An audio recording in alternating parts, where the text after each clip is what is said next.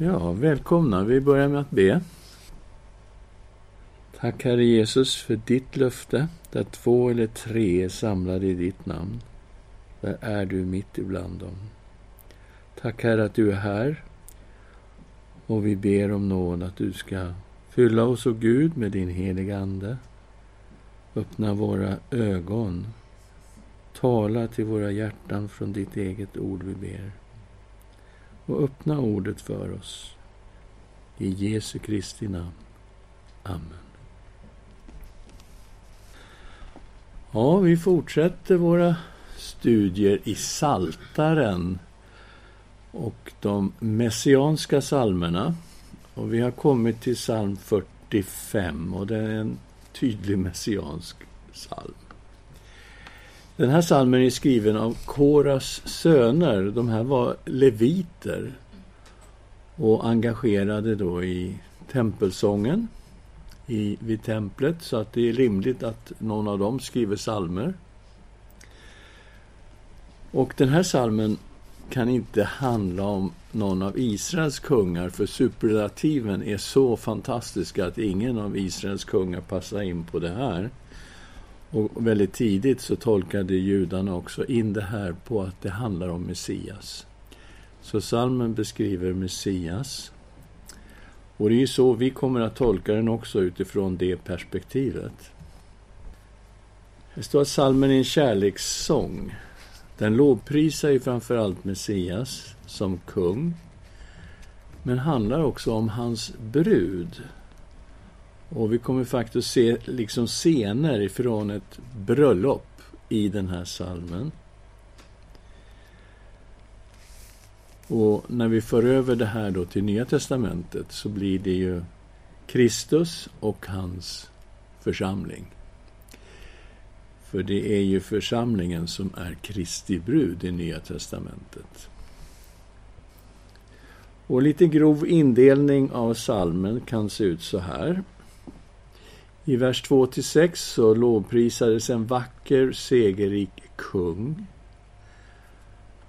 Och i vers 7-8 så beskrivs att kungen är Gud i ett evigt rättfärdigt rike. Och nu förstår ni att det kan inte bara vara en vanlig kung det här. Vers 9-16 ser vi ett bröllop där omväxlande kungen och bruden beskrevs. Och vers 17 18, så resulterade det här bröllopet i söner som sattes som förstar över jorden. Och slutresultatet blev att alla folk skulle lova Messias, kungen, i evighet. Okej, nu börjar vi fatta, det här kan inte bara vara en vanlig kung från Israel. Vi läser den. Psalm 45 för körledaren till liljorna. En vishetssalm.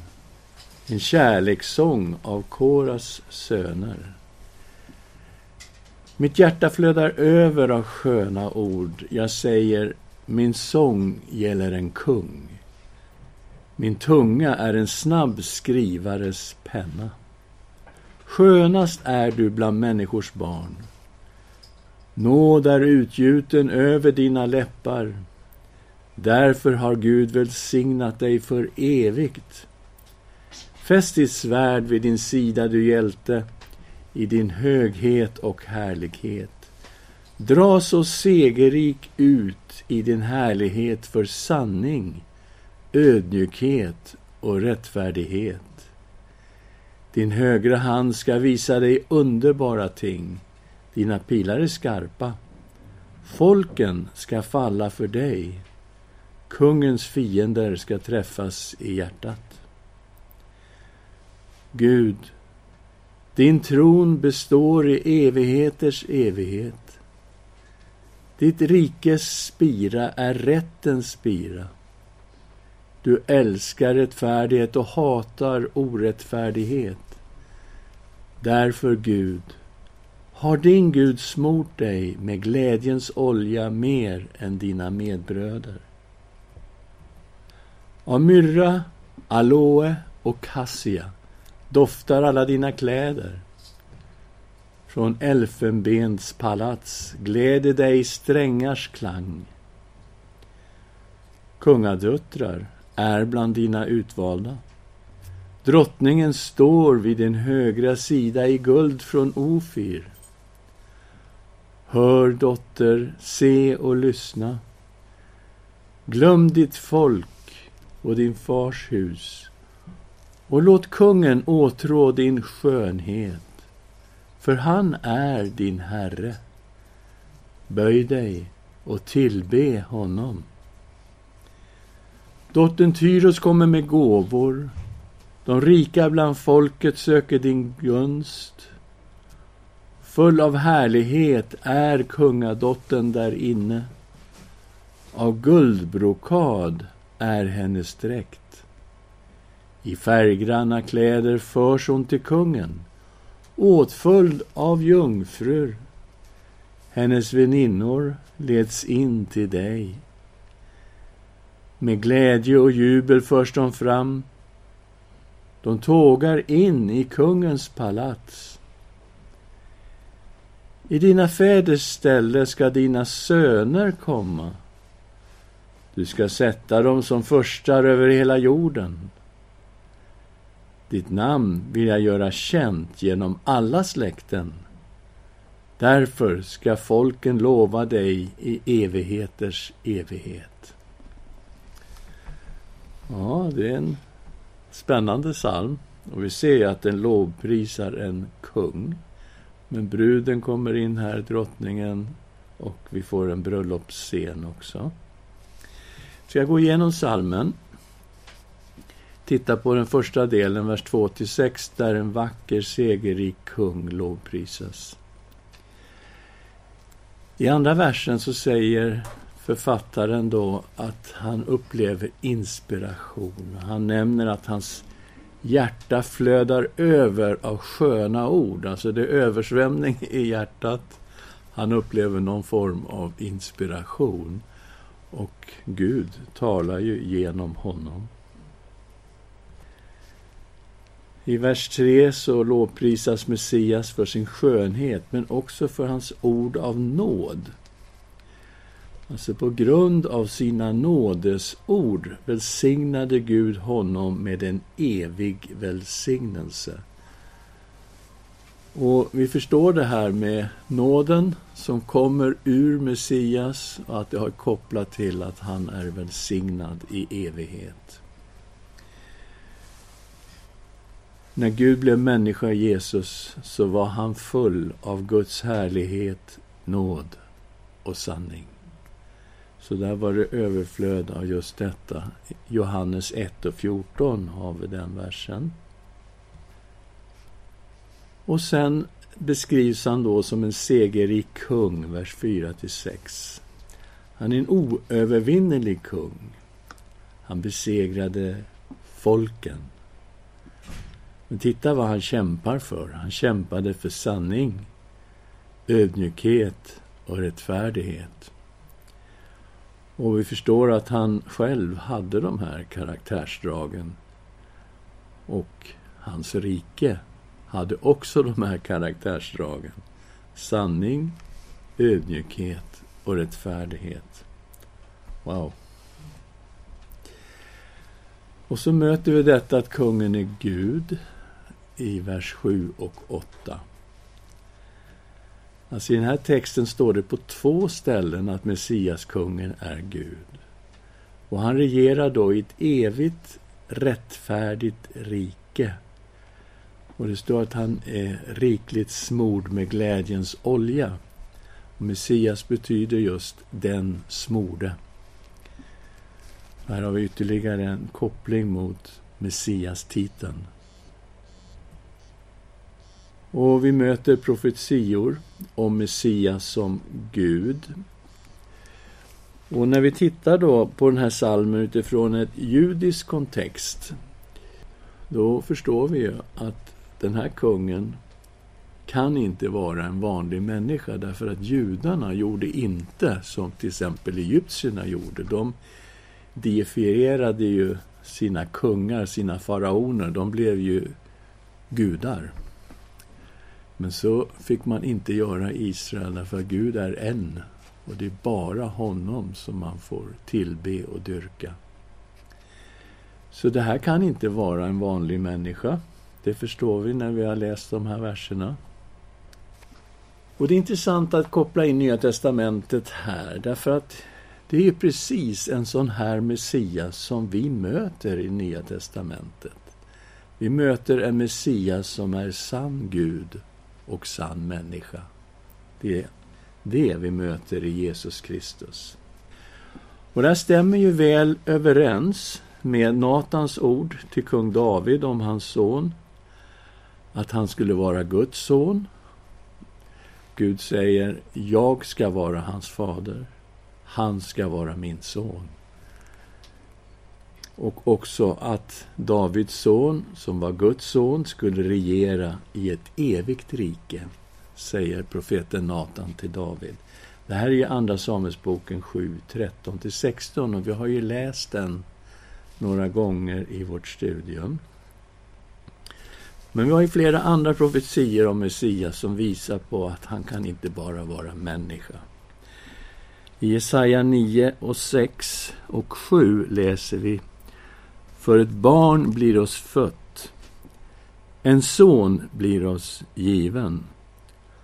På hans axlar vilar herradömet och hans namn är Under, rådgivare, mäktig Gud, evig far, fridsförste. Så herradömet vilar på det här barnets axlar betyder att han föds till att bli kung. Och hans karaktärsdrag, det är ju det som är beskrivet i de namn som han får. Och bland de här namnen finns alltså mäktig Gud, evig far. Och att han är en fridsförste innebär att han är en kung som regerar i ett fredsrike. Sjunde versen. Så ska herradömet bli stort och friden utan slut över Davids tron och hans rike. Det ska befästas och stödjas med rätt och rättfärdighet från nu och till evig tid. Herren Sebaots lidelse ska göra detta. Så det blir ett väldigt stort herradöme för den här kungen. Men det är ett fredsrike utan slut. Det är ett evigt fredsrike det handlar om. Och så ser vi profetier från Gamla testamentet. Och vi har ju tittat på det här tidigare när vi gjorde bakgrundsstudiet för Saltaren och, och titta på vem är denna Messias som skulle födas. Vi har ängens ord till Sakarias i Lukas 1, 13-17 där ängeln Gabriel säger till Sakarias att de, han och Elisabet ska få en son. De ska ge honom namnet Johannes. Och att han ska gå framför Herren framför Herren deras Gud. Och det är Jahve det handlar om. Så det är vad Gabriel säger. Han knyter ju an förstås till profetierna i Malaki. Och sen när han föds, det här barnet, Johannes döparen då, så profeterar Sakarias över sin son och säger du mitt barn ska kallas den högstes profet, för du ska gå framför Herren. Och då är det Jahve det handlar om. Och vi vet ju också att Johannes döparen själv definierade sig som den som gick framför Herren. När de frågade Vem är du? Och sa han ju, jag är rösten av den som ropar i öknen. Gör stigarna raka för Herren. Och det är ett citat från Jesaja 40 som Johannes döparen använder för att förklara vem han är och hela sin tjänst. Och sen kom ju ängeln till Maria. Och hon fick veta då att hon skulle bli gravid genom den helige Ande. Hon skulle föda en son, skulle ge honom namnet Jesus. Och den här sonen ska kallas den Högstes son, Guds son. Och han ska regera på sin fader Davids tron. Och han ska göra det till evig tid. Det är vad Gabriel säger till Maria. Och han förklarar också att den helige Ande ska komma över dig, den högstes kraft ska vila över dig och barnet som föds ska kallas Guds son. Så det stämmer ju oerhört väl överens med profetiorna i Gamla testamentet och med det vi läser i psalm 45. Han föddes ju Jesus i Betlehem. Och där kommer en ängel och säger till herdarna Idag har en frälsare blivit född åt er i Davids stad och han är Messias, Herren. Så det kommer här gång på gång bekräftas just det här som vi möter i psalm 45. Och vi har ju också ängens ord till Josef, samma sak. Och de här verserna om att Messias, kungen, skulle vara Gud, de är ju citerade i Nya testamentet. Och då kommer vi till Hebreerbrevet 1, vers 8 och 9. Det som är speciellt med det här citatet, det är ju att i Hebreerbrevet så är det Gud, Fadern, som talar de här orden om sin son. Och sannolikt är det så att Hebreerbrevets författare såg på psalm 45 som Guds ord. Och därför tillskrevs orden Fadern. Vi ser också i inledningen av den här salmen hur hans hjärta flödar över av sköna ord. Han är alltså under Guds inspiration och Gud talar genom författaren.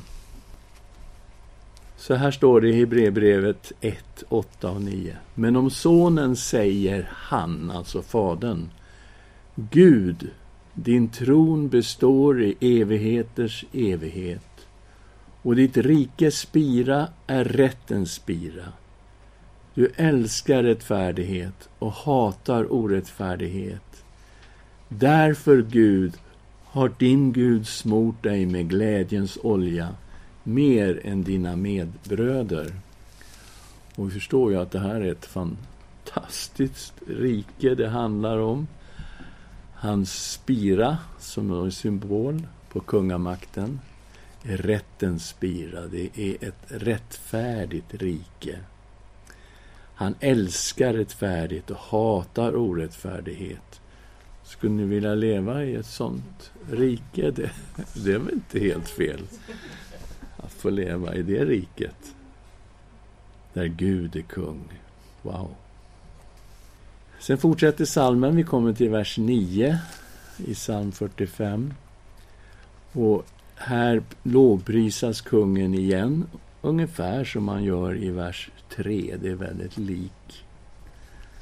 Sen kommer bruden in här, vers 10 till 16.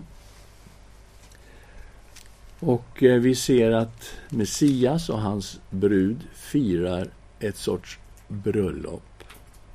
Vi får möta bruden som en vacker drottning klädd i guldbrokad, någon sorts guldbroderade kläder. Och scenen som målas upp beskriver ett bröllop med tärnor och gåvor.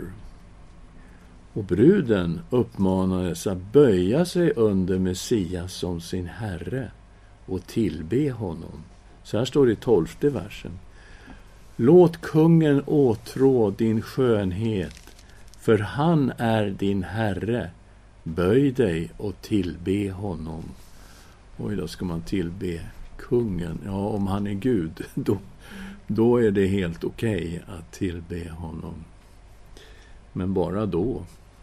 Mm. Sen ser vi ju då att vi möter just de här bilderna när vi kommer in i Nya testamentet. I Efesiebrevet har vi detta med Kristus och hans brud som är församlingen. I Efesierbrevet 5, 21-33 så undervisas ju om Kristus och församlingen. Men parallellt undervisas ju relationen mellan man och hustru. Så vi kan läsa i slutet här ifrån vers 31. Därför ska en man lämna sin far och sin mor och hålla sig till sin hustru och de två ska bli ett kött. Denna hemlighet är stor. Jag talar om Kristus och församlingen. Men vad er angår ska var och en älska sin hustru som sig själv och hustrun ska visa respekt för sin man. Så han tar den här texten som handlar ju direkt om äktenskap mellan man och kvinna från Första Mosebok och applicerar den på relationen mellan Kristus och församlingen. Han säger denna hemlighet är stor, jag talar om Kristus och församlingen.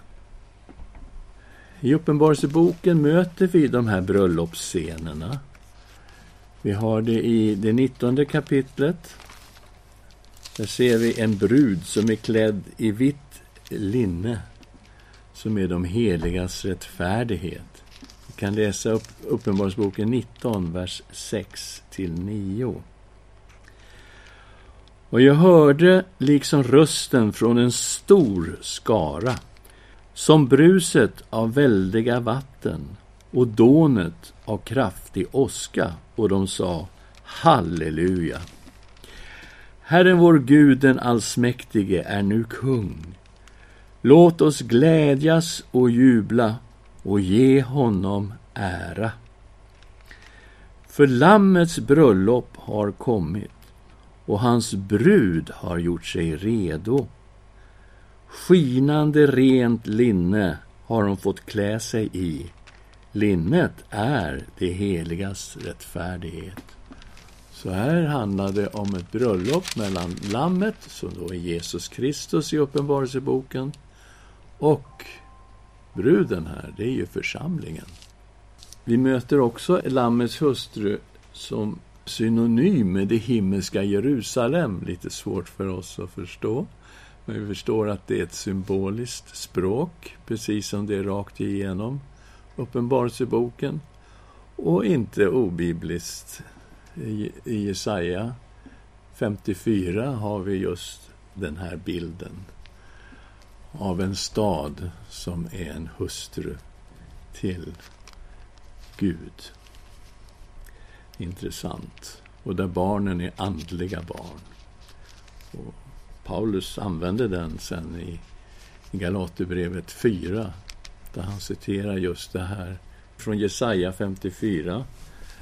Den ensamma ska ha många barn, fler än den som har man. Och där handlar det om att den ensamma kan ju inte få barn, men det är ju andliga barn, födda av Gud. Det är ju så det är. Ja. ja, du gillar det? Ja, eller hur? Ja, det är fantastiskt. Och därför ska vi inte vara förvånade när vi möter det himmelska Jerusalem som Lammets hustru. Och i den här staden då så är Fadern och Lammet med både ljuset och templet. De har en gemensam tron, men här är också gemenskapen mellan Lammet och hans brud fullkomlig. Vi kollar in här Uppenbarelseboken kapitel 21, vers 9 till 11. En av de sju änglarna med de sju skålarna som var fyllda med sju sista plågorna kom och talade till mig och sa Kom, jag ska visa dig bruden, Lammets hustru. Och han förde mig i anden upp på ett stort högt berg och visade mig den heliga staden Jerusalem som kom ner från himlen från Gud. Den hade Guds härlighet och dess strålglans var som den dyrbaraste ädelsten, som kristallklar jaspis. Och vi läser vidare om den här fantastiska staden från vers 22. Något tempel såg jag inte i staden. För Herren Gud, den allsmäktige och Lammet är dess tempel. Staden behöver inte sol eller måne för att få ljus. För Guds härlighet lyser upp den och dess lampa är Lammet. Och folken ska vandra i dess ljus och jordens kungar ska föra in sin härlighet i den. Dess portar ska aldrig stängas om dagen och natt ska inte finnas där. Och folkens härlighet och ära ska föras in i staden. Aldrig ska något orent komma in i den, inte heller den som ägnar sig åt skändlighet och lögn, utan bara det som är skrivna i Livets bok, som tillhör Lammet. Och han visade mig en flod med livets vatten, klar som kristall, som går ut från Guds och Lammets tron. Mitt på stadens gata på båda sidor om floden står livets träd. Den bär frukt tolv gånger, varje månad ger den sin frukt och trädets löv ger läkedom åt folken. Ja, det är en fantastisk scen som rullas upp här. Men vi förstår ju att om den här staden är så att säga Lammets hustru och Gud är den som ger härlighet och ljus och gemenskapen mellan Kristus och hans församling är ju fullkomnad här i Uppenbarelseboken kapitel 21. Vi går vidare i psalm 45. Vi kommer till de två sista verserna där Messias ska lovprisas bland alla folk. Och I 17 versen läser vi om Messias barn som ska regera på jorden. Så här står det, i dina fäders ställe ska dina söner komma. Du ska sätta dem till förstar över hela jorden. Okej, okay, så det här äktenskapet då mellan Messiaskungen och hans brud skulle resultera i söner. Som skulle bli många förstar och de skulle styra i Messias rike över hela jorden. Okej, okay. och eftersom Messias redan hade besegrat sina fiender så styr han ju över hela jorden. I vers 6 så besegrar han ju folken. Och i Nya Testamentet då, om vi för över de här bilderna, då förstår vi att Messias och församlingens barn är ju andliga barn som är födda av Guds ande. Och Guds rike på något sätt breder ut sig bland folken i världen, i land efter land, folk efter folk. Men Jesus ska ju också komma tillbaka. Och då kommer vi få se det här på ett mycket mer konkret sätt. Och resultatet då i 18 versen, fantastiskt, Messias ska lovprisas bland folken i evighet. Messias namn ska göras känt bland alla släkten och det är väl det som församlingen håller på med idag, kan vi hoppas, och evangeliserar och för ut evangelium om Jesus Kristus bland folken. Resultatet av folken ska lova Messias i evigheters evighet. Och allt det här pekar ju fram mot Jesus Kristus i Nya testamentet. Sista versen lyder så här. Ditt namn vill jag göra känt genom alla släkten. Därför ska folken lova dig i evigheters evighet. Ja, det är en mycket speciell psalm detta. Och vi kanske gör punkt där då ber. Tack Herre för den här lovprisande salmen av dig, Kristus, vår konung. Och vi får stämma in i den här lovsången. Och vi bekänner också att du är Gud, du är kungen i Guds rike och att det är ett evigt rike där rätt och rättfärdighet finns. Tack Herre att vi får vara en del av din församling, en del av din brud. Och vi ser de här fantastiska framtidsvisionerna i Uppenbarelseboken om ett bröllop mellan dig, Herre, och din brud. Och vi ser den här fantastiska synen med det himmelska Jerusalem som din hustru. Herre, vi vet inte exakt hur det här kommer att bli i detalj, men du har vunnit en underbar frälsning för ditt folk. Vi ger dig ära och vi vill vara bland de här folken som lovar dig i evigheters evighet. I Jesu namn. Amen.